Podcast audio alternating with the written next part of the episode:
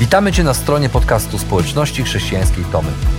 Mamy nadzieję, że rozważanie, które za chwilę usłyszysz, zainspiruje Cię do zrobienia kolejnego kroku w Twojej relacji z Bogiem. Bo w naszej społeczności zapraszamy wszystkich do relacji z Chrystusem, który zmienia wszystko. Dziękujemy za Twoje zainteresowanie i zapraszamy Cię do polubienia naszego profilu na Facebooku, Instagramie i YouTubie oraz ściągnięcia darmowej aplikacji na smartfona. Dobrego słuchania.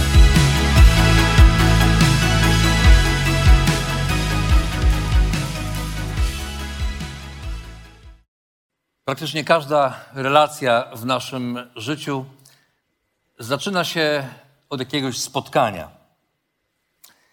Są takie spotkania, na które czekamy z niecierpliwością.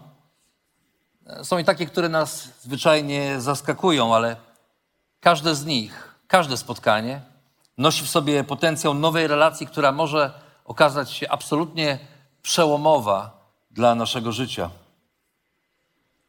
To mógł być na przykład trener piłki nożnej, który pojawił się w Twoim życiu zupełnie niespodziewanie i swoim podejściem do sportu, a zwłaszcza swoim podejściem do Ciebie, młodego człowieka, zainspirował Cię do ciężkich treningów, do dyscypliny, do jeszcze większego zaangażowania i swoją postawą zmienił kierunek Twojego życia, które zmierzało w niebezpiecznym kierunku.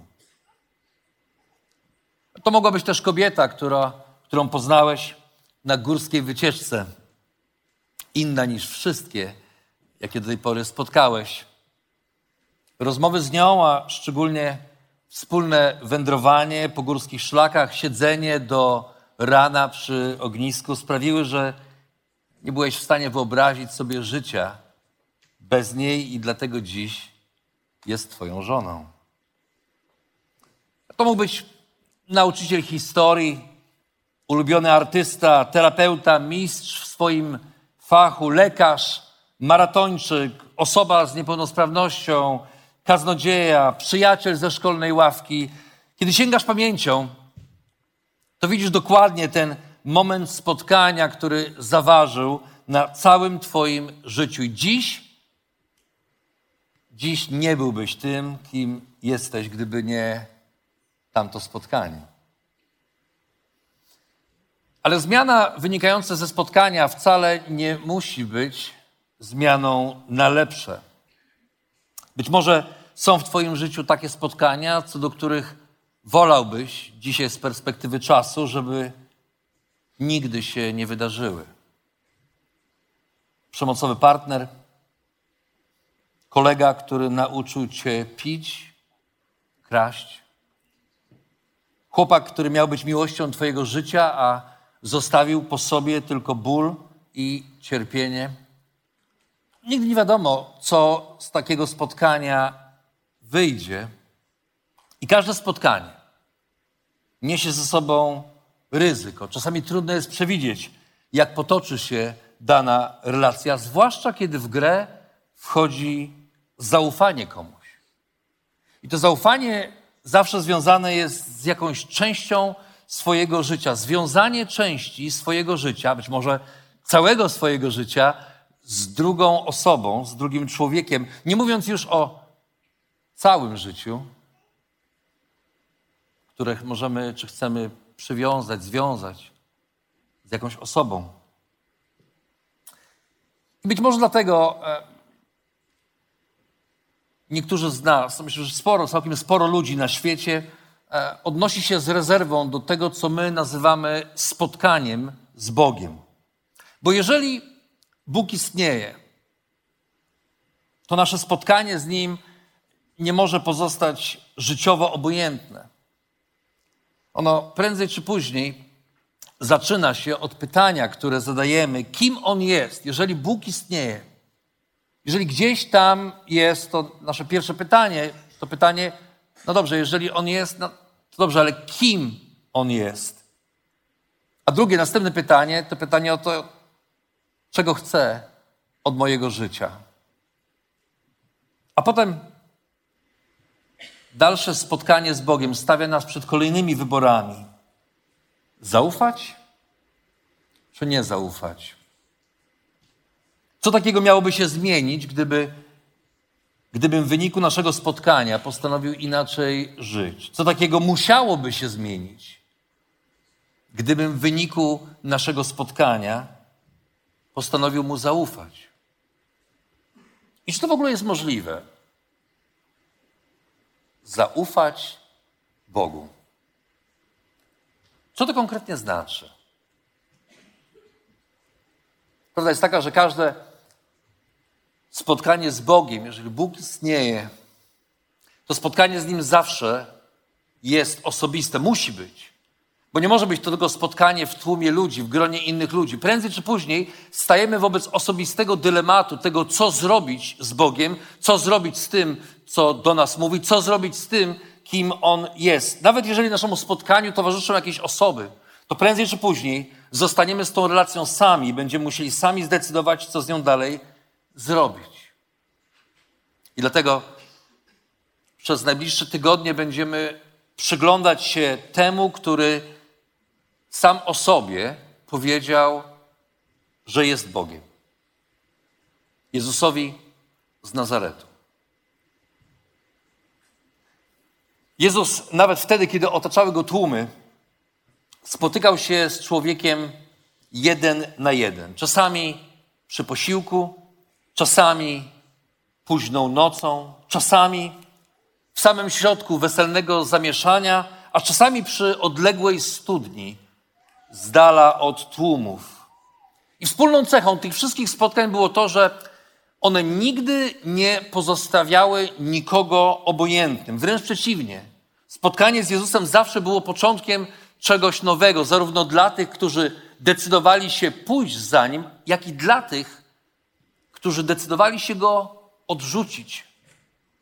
I przyglądając się tym spotkaniom przez następne tygodnie, spróbujemy również przyjrzeć się sobie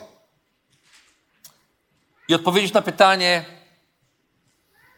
A gdybym dziś spotkał Jezusa, tak jeden na jeden, to co takiego mogłoby albo musiałoby się zmienić? Gdybym dziś spotkał Jezusa jeden na jeden, jeżeli to spotkanie jest możliwe, może nie tak jak wtedy, dwa tysiące lat temu, ale, ale w taki szczególny sposób, kiedy zdajemy sobie sprawę z Jego obecności i że On jest i że to, co mówi, jest prawdą, gdybym dziś spotkał Jezusa jeden na jeden, co takiego mogłoby albo co takiego musiałoby się zmienić? Apostoł Jan, jeden z najmłodszych uczniów Jezusa i autor jednej z czterech opowieści o jego życiu, które nazywamy Ewangeliami, czyli dobrą wiadomością, rozpoczyna swoją narrację właśnie od zapowiedzi spotkania. Warto pamiętać o tym, że Jan, Jan nie wie do końca, że pisze pismo, że pisze księgę, która stanie się częścią kanonu Nowego Testamentu, że ktoś patrząc na, zbierając te wszystkie księgi, uzna, że właśnie ta księga jest natchnioną księgą przez Boga. Jan tego jeszcze nie wie. Pisze, pisze relacje z życia Jezusa dla ludzi, którzy żyją jakieś 50-60 lat z dala od tych wydarzeń. Z nadzieją pewnie, że jeszcze później po nim inni również będą ją czytać. I od początku pisania tej, tej historii Janowi przyświeca jeden cel. On zdaje sobie sprawę, że nie jest jedynym, który o życiu Jezusa pisze. Zdaje sobie sprawę z tego, że nie opisuje wszystkiego, co się w życiu Jezusa wydarzyło, ale ma jeden cel. W tym, co opisuje i jak opisuje, chce swoim czytelnikom dać jasny obraz tego, kim jest Jezus. Kim naprawdę jest Jezus. Nie zajmuje się zupełnie jego dzieciństwem, tak jak Mateusz, czy ewangelista Mateusz, czy Łukasz. Ale Jan praktycznie od razu, po, po, po krótkim prologu, który jest bardzo dobrze znany, na początku było Słowo, a Słowo było Boga, Bogiem było Słowo. Jan bardzo szybko przenosi nas na pustynię judzką, gdzie kuzyn Jezusa, zwany Janem Chrzcicielem, zapowiada jego nadejście. I robi to zanurzając ludzi na znak upamiętania i przygotowania na spotkanie z nimi. Czytamy pod koniec pierwszego rozdziału, nazajutrz, następnego dnia, to jest nazajutrz po tym, jak Jan Chrzciciel zobaczył Jezusa po raz pierwszy. Zobaczył, rozpoznał w nim tego, kim on naprawdę był, opowiedział o tym innym i nadszedł kolejny dzień. Jan stoi i patrzy na zbliżającego się znowu Jezusa. I czytamy, że Jan wraz ze swoimi uczniami stał i wpatrując się w przechodzącego Jezusa powiedział: Oto baranek Boży. Po tych słowach obaj uczniowie poszli za Jezusem, a gdy Jezus odwrócił się i zobaczył, że za nim idą, zapytał: Czego szukacie? Odpowiedzieli rabi, to znaczy nauczycielu, gdzie mieszkasz? On na to: Chodźcie, to zobaczycie. Poszli więc i zobaczyli, gdzie mieszka, i tego dnia zostali już u niego. Było to około godziny 16. Patrzę na Jana Chrzciciela i myślę sobie, nie każdego lidera, nie każdego przywódcę stać na to, żeby mieć taki gest. Oto Jan Chrzciciel, który w bardzo krótkim czasie zgromadził wokół siebie swoich zwolenników, tych ludzi nazywano nawet uczniami Jana i to nawet po tym, kiedy Jezus już wstąpił do nieba, kiedy, kiedy Kościół wkroczył w nową fazę, również wtedy nazywano pewnych uczniów uczniami Jana. I oto Jan, mając możliwość zgromadzenia wokół siebie sporej grupy ludzi, patrzy na tego, który nadchodzi i zdaje sobie sprawę z tego, że jego czas powoli się kończy. Że on nie przyszedł tutaj po to, żeby być kimś, za kim pójdą tłumy, ale on miał być tym głosem, który miał wskazać na tego, który miał po nim nadejść. I Jan ma poczucie, że zrobił to, co do niego należało i może odsunąć się w cień, tak jak później ewangelista Jan zauważa, że ten Jan Chrzciciel mówi o sobie, ja muszę stawać się mniejszy, żeby on stawał się większy. Jan wskazuje na Jezusa i mówi o nim, oto baranek Boży. Trudno powiedzieć dokładnie, co, jakie skojarzenia mogło to, to, stwierdzenie wywoływać u Żydów, ale bez wątpienia kojarzyło się z ofiarą składaną co roku na odpuszczenie grzechów, kiedy ofiarowywano baranka. Być może kojarzyło się z barankiem paschalnym, którego ofiarowywano na znak, na pamiątki wyjścia Izraelitów z Egiptu, ale kojarzyło się to z jakimś rodzajem ofiary. Jan wcześniej, nazywając go podobnie, dodaje: Oto baranek Boży, który gładzi grzechy świata, co ma wymiar prorocki, proroczy, profetyczny, bo, bo w tamtym czasie nikt jeszcze nie mógł wiedzieć, że Jezus będzie, że życie Jezusa tak się potoczy. Nikt nie mógł do końca wiedzieć, chyba że uważnie czytał proroctwa, zapowiedzi tego, jak miało potoczyć się życie sługi Pana, chociażby z 53 rozdziału Księgi Izajasza. Ale, ale ci, którzy byli współcześni Jezusowi, nie mieli pojęcia, że oto nadchodzi ten, który poprzez swoją śmierć ma zmazać grzechy całego świata. Nikt tego chyba za bardzo nie rozumie, a na pewno nie rozumieją tego uczniowie Jana, którzy słysząc słowa o Bożym baranku, przychodzą do Jezusa i, i zamiast zapytać go, Jezu, to co to znaczy ten baranek Boży?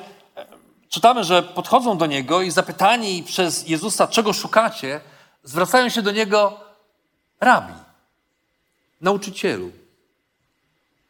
Z szacunkiem, ale, ale bez pełnego zrozumienia, z kim mają do czynienia, z kim rozmawiają. Gdybyśmy tamtego dnia zadali im pytanie, kim on jest, pewnie odpowiedzieliby nauczycielem. Może nawet niezwykłym, ale jeszcze nie zdążyliśmy się przekonać. Chętnie byśmy zobaczyli, gdzie on mieszka, co oczywiście nie oznaczało tego, żeby po prostu pójść sprawdzić, czy ma tam jakieś dobre mieszkanie, czy pod jakim adresem mieszka, ale chodziło o to, żeby pójść za nim tam, gdzie on idzie, żeby po prostu pobyć z nim przez chwilę. I ten czas spotkania jest absolutnie przemieniający dla tych dwóch uczniów. Ale zanim oni tam pójdą, Jezus najprościej, jak to tylko możliwe, wypowiada do nich słowa zaproszenia: chodźcie. Chodźcie. To zobaczycie. Nie wiem, czego spodziewałbyś się po e, zaproszeniu ważnego rabina, ważnego nauczyciela. Ciekawe, że być może spodziewalibyśmy się, że zanim zaprosi ich do siebie, powie: Poczekajcie, ale umówmy się, czy my na pewno wierzymy w te same rzeczy? A może sprawdziłby ich wiedzę teologiczną i zobaczyłby, na ile rzeczywiście znają pisma i czy są w ogóle godni być jego uczniami. A może odpytałby ich z tego, jak przestrzegają przekazań i czy, czy nie przyniosą mu wstydu. Ale nie. Jezus w ogóle tego nie robi. Jezus nie zaczyna ani od głębokiego teologicznego wykładu, ani od pełnego wyłożenia zasad, jakimi powinni kierować się uczniowie Jezusa, ani nawet od pełnego zrozumienia tego, kim On jest. On nie oczekuje tego, że oni wszystko będą rozumieć. Jezus patrzy na nich i na ich gotowość pójścia, zrobienia takiego kroku w Jego stronę, Jezus zaczyna od zaproszenia. Chodźcie. Chodźcie, to zobaczycie. I to zaproszenie staje się znakiem firmowym Jezusa, jego wizytówką, jego, jego znakiem rozpoznawczym w relacjach z, z ludźmi. Takie otwarte zaproszenie, aby przekonać się samemu, zaproszenie dla każdego, aby przekonać się samemu i na własne oczy, kim on jest i po co przyszedł. Tylko tyle i aż tyle. Ciekawe, że dziś, 2000 lat później, my mamy tendencję do zapraszania ludzi do, do wszystkiego, do wszystkiego innego. Zapraszamy ludzi do kościoła, zapraszamy ludzi do moralnego życia, zapraszamy ludzi do zostawienia starych nawyków, zapraszamy ludzi do rozpoczęcia nowych rytuałów. I, i żadna z tych rzeczy nie jest zła. Ani zostawienie starego nałogu nie jest złe, ani uczestnictwo w życiu Kościoła nie jest niczym złym. Wręcz przeciwnie, to są same dobre rzeczy.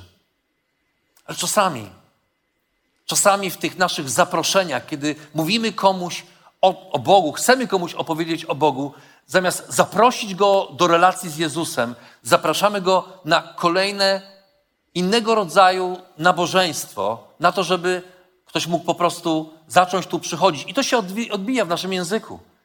Czasami, nie wiem, czy zwracacie na to uwagę, my mówimy, my, my, my, idziemy do kościoła, albo mówimy o kimś, o on nie chodzi do kościoła.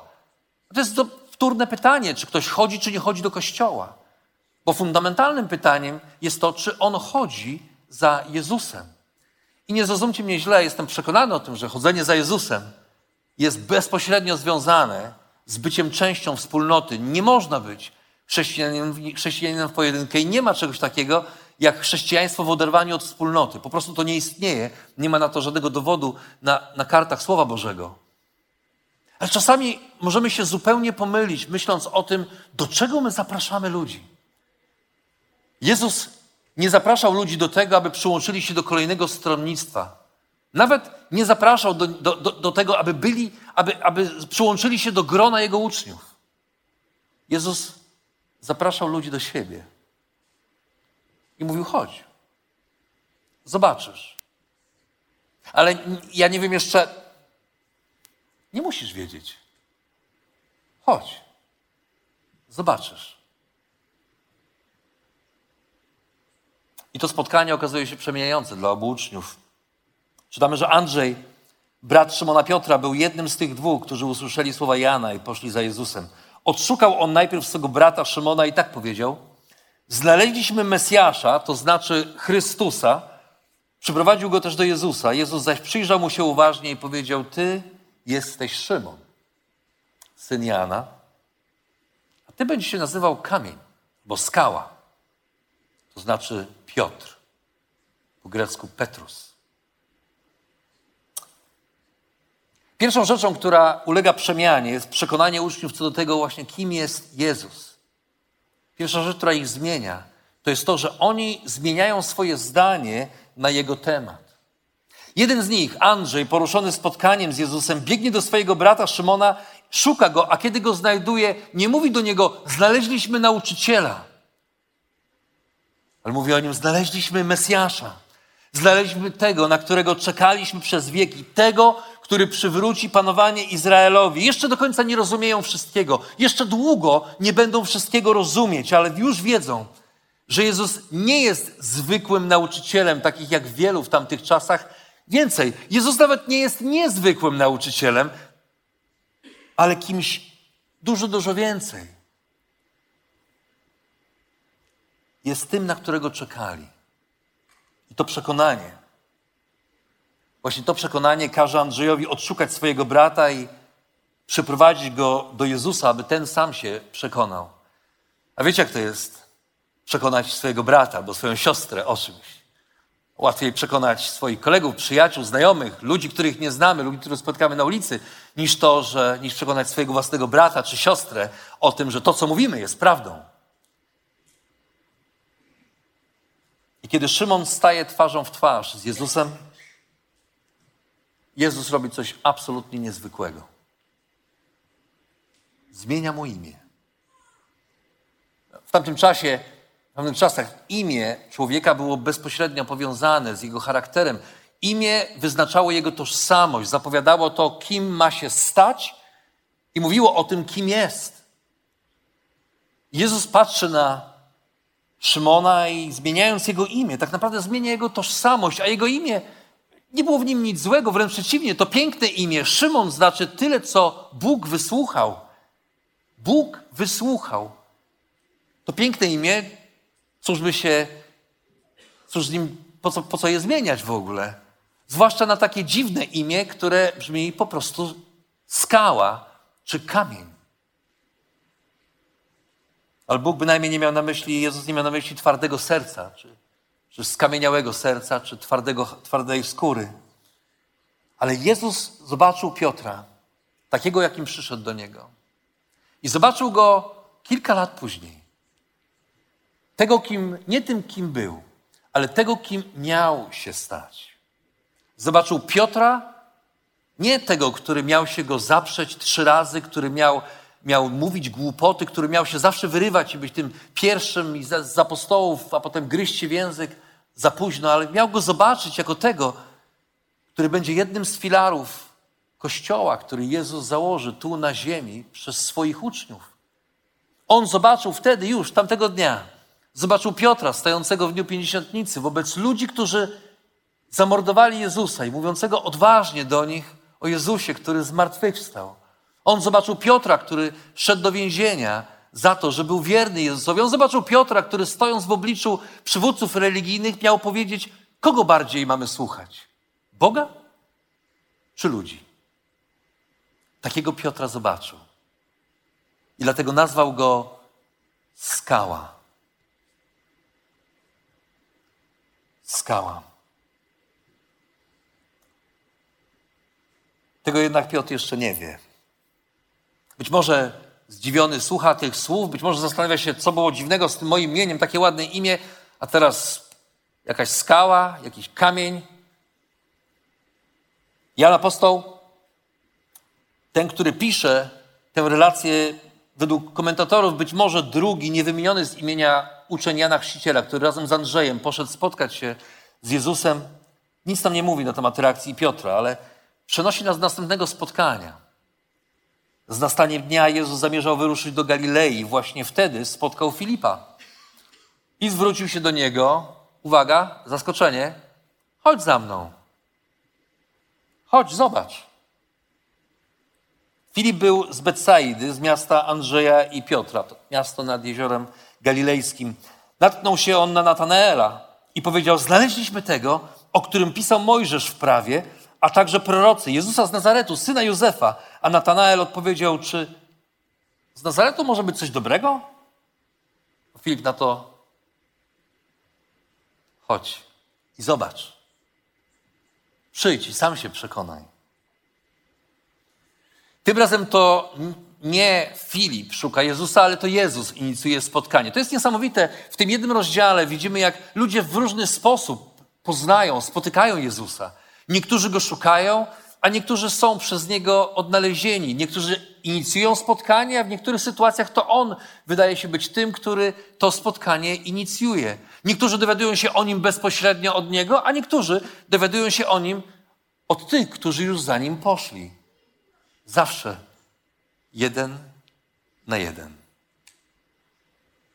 Jezus znowu tym prostym zaproszeniem zaprasza Filipa, żeby za nim poszedł i znowu żadnych warunków wstępnych, żadnego przekonywania, zwykłe zaproszenie, na które Filip zdaje się zareagować natychmiast. I to spotkanie z Jezusem musiało być na tyle niezwykłe, że kiedy natknął się przypadkowo na Natanaela, kimkolwiek był Natanael, nie mógł milczeć. To musiało być tak silne spotkanie, tak znaczące, że Filip nie może milczeć i mówi do niego: Znaleźliśmy tego, o którym pisał Mojżesz w prawie, a także prorocy, Jezusa z Nazaretu, syna Józefa. I prawda jest taka, że lepszej rekomendacji pobożnemu Żydowi nie można było wystawić o kimś innym.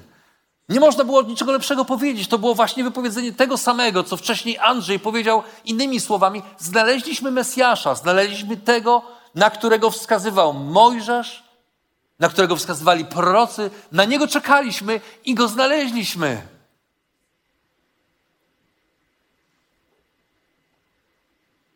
Takie słowa powinny wzbudzić ekscytację, ale, ale nie u Natanaela. Nie wiemy za wiele o jego życiu, ale musiał być człowiekiem twardo, stąpającym po ziemi, jak pewnie wielu z nas. Na zawołanie o tym, że znaleźliśmy tego, na którego wskazywały pisma, Natanael zupełnie pominął słowa o Mojżeszu i prorokach.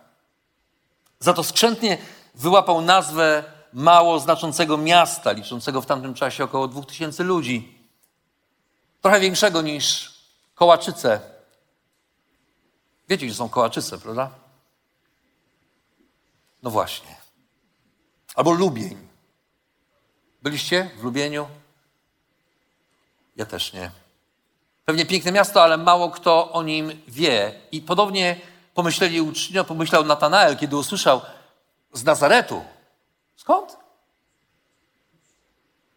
Zwłaszcza w kontekście opowieści o Mesjaszu, to miasto zupełnie nie miało sensu, ponieważ żadne proroctwa nie wskazywały na Nazaret jako miejsce narodzenia się Mesjasza. Tylko Filip jeszcze o tym nie wiedział. Wiedział, że Jezus mieszkał w Nazarecie, ale nie, nie wiedział o tym, że urodził się w Betlejem, a już o Betlejem proroctwa mówiły, że, no ale Natanael ma wszelkie powody do tego, żeby wątpić.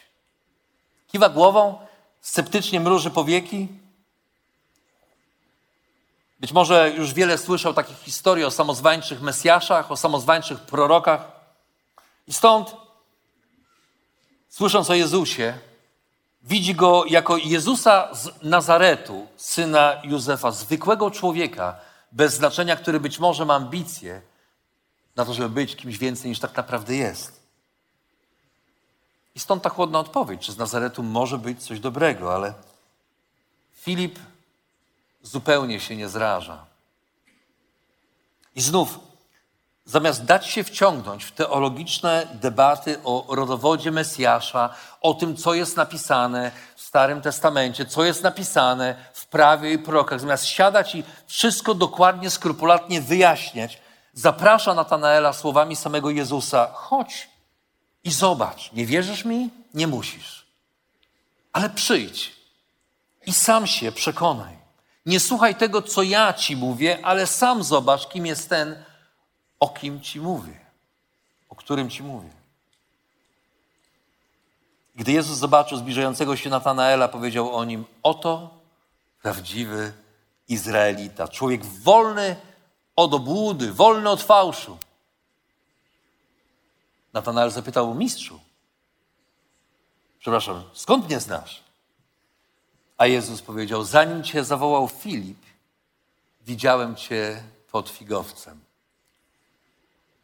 Mistrzu, zawołał Natanael, ty jesteś synem Boga, ty jesteś królem Izraela. I, i znowu widzimy, jak kolejne spotkanie Jezusa Kolejne spotkanie z Jezusem, spotkanie jeden na jeden przemienia Natanaela, ale tym razem dzieje się to jeszcze inaczej.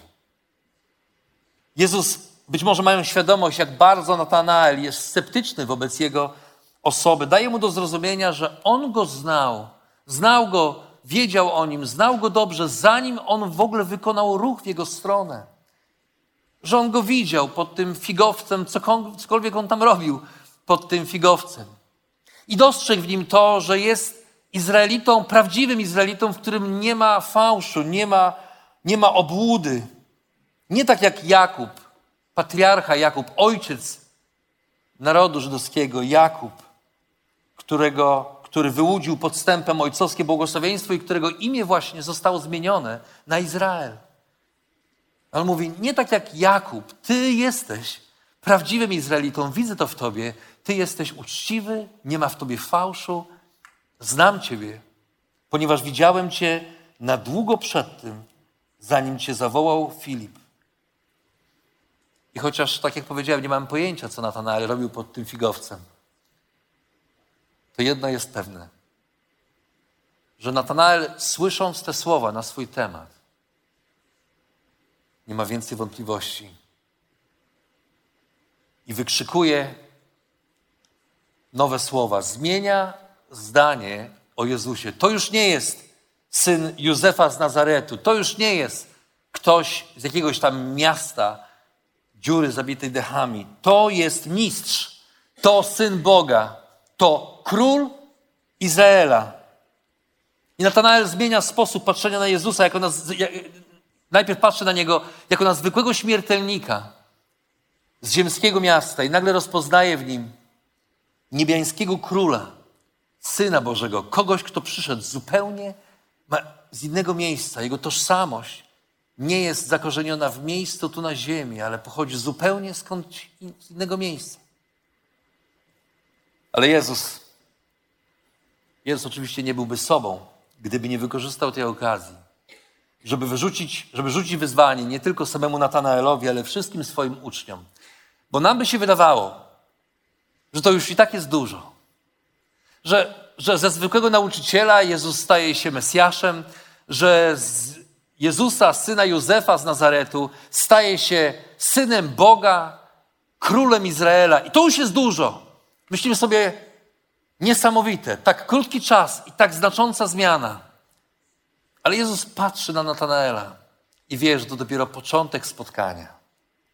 Wie, że tak naprawdę zarówno on, jak i wszyscy jego uczniowie, jak i wszyscy ci, którzy przyjdą po nich, zobaczą coś dużo, dużo więcej niż Mesjasza, Zbawiciela, Wybawcę Żydów, niż Króla Izraela. Wtedy Jezus powiedział, wierzysz dlatego, że widziałem Cię pod figowcem? Zobaczysz o wiele więcej. I dodał, ręczę i zapewniam, zobaczycie otwarte niebo, a wokół Syna Człowieczego wstępujących i wstępujących aniołów Boga. I czytamy te słowa i myślimy sobie, no o co Jemu chodziło. Już bardziej w bardziej skomplikowany sposób, już nie mógł wszystkiego, jeszcze tego wszystkiego bardziej skomplikować. Ale Jezus mówi swoim uczniom, myślicie, że Mesjasz i Król Izraela zapowiadany przez Mojżesza i proroków to wszystko? Nie. To dużo. I tak, ja nim jestem.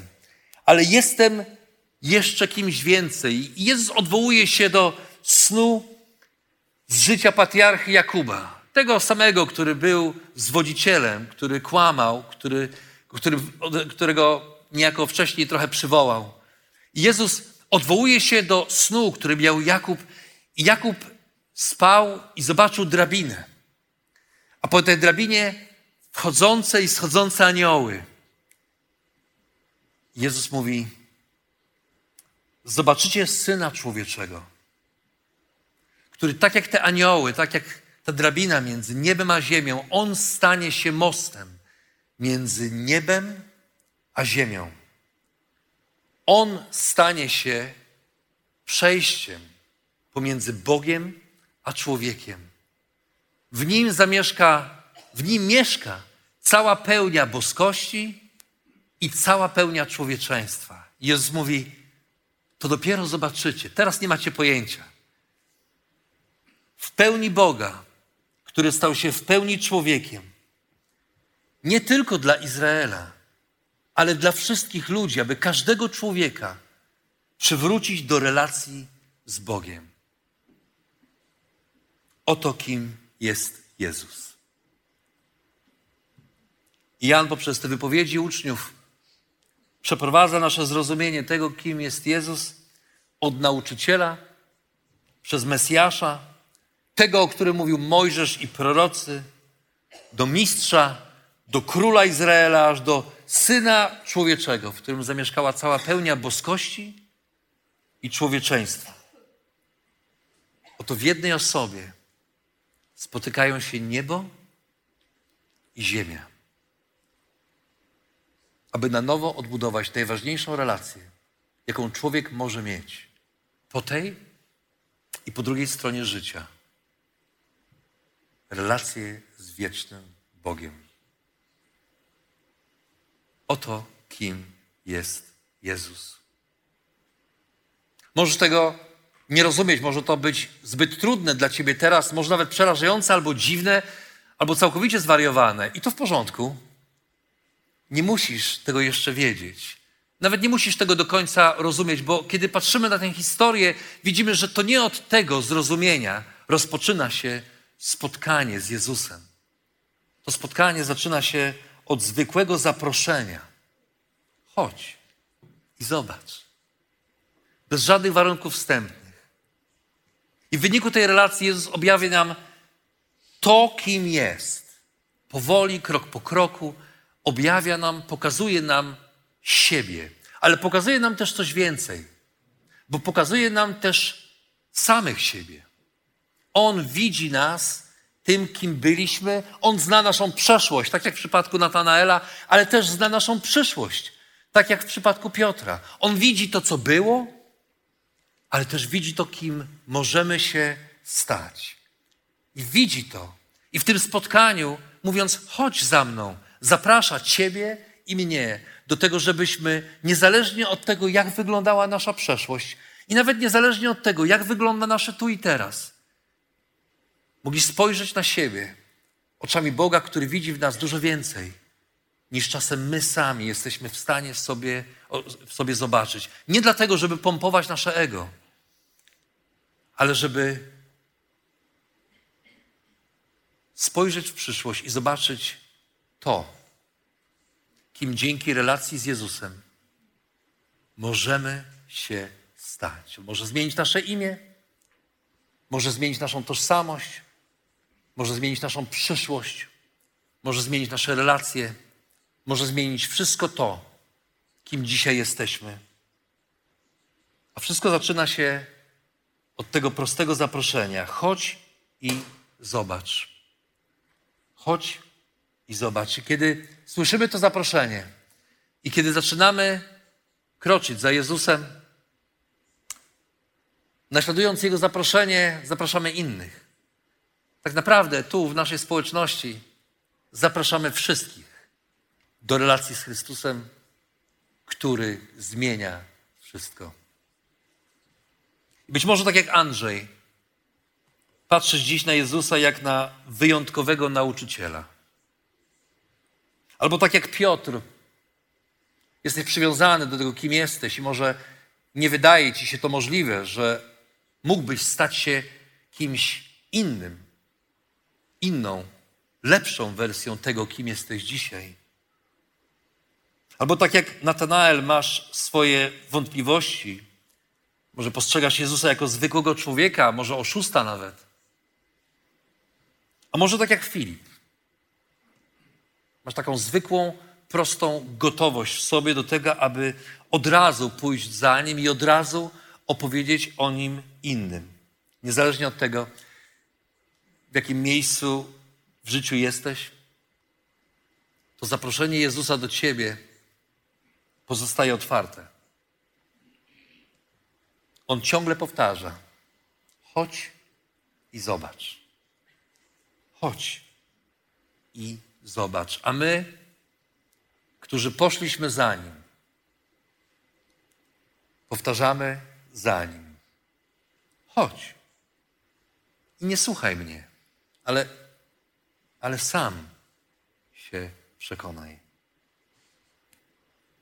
Bo kiedy odpowiadamy na zaproszenie Jezusa, aby pójść za nim, On objawia nas samym sobie, pokazuje nam, kim jesteśmy ale On objawia też nam samego siebie, abyśmy mogli zapraszać innych do relacji z Nim. Jeden na jeden. Jeden na jeden. Jeden na jeden. Bo są takie relacje, które zmieniają wszystko. A każda z nich zaczyna się od spotkania. Dlatego chodź i zobacz.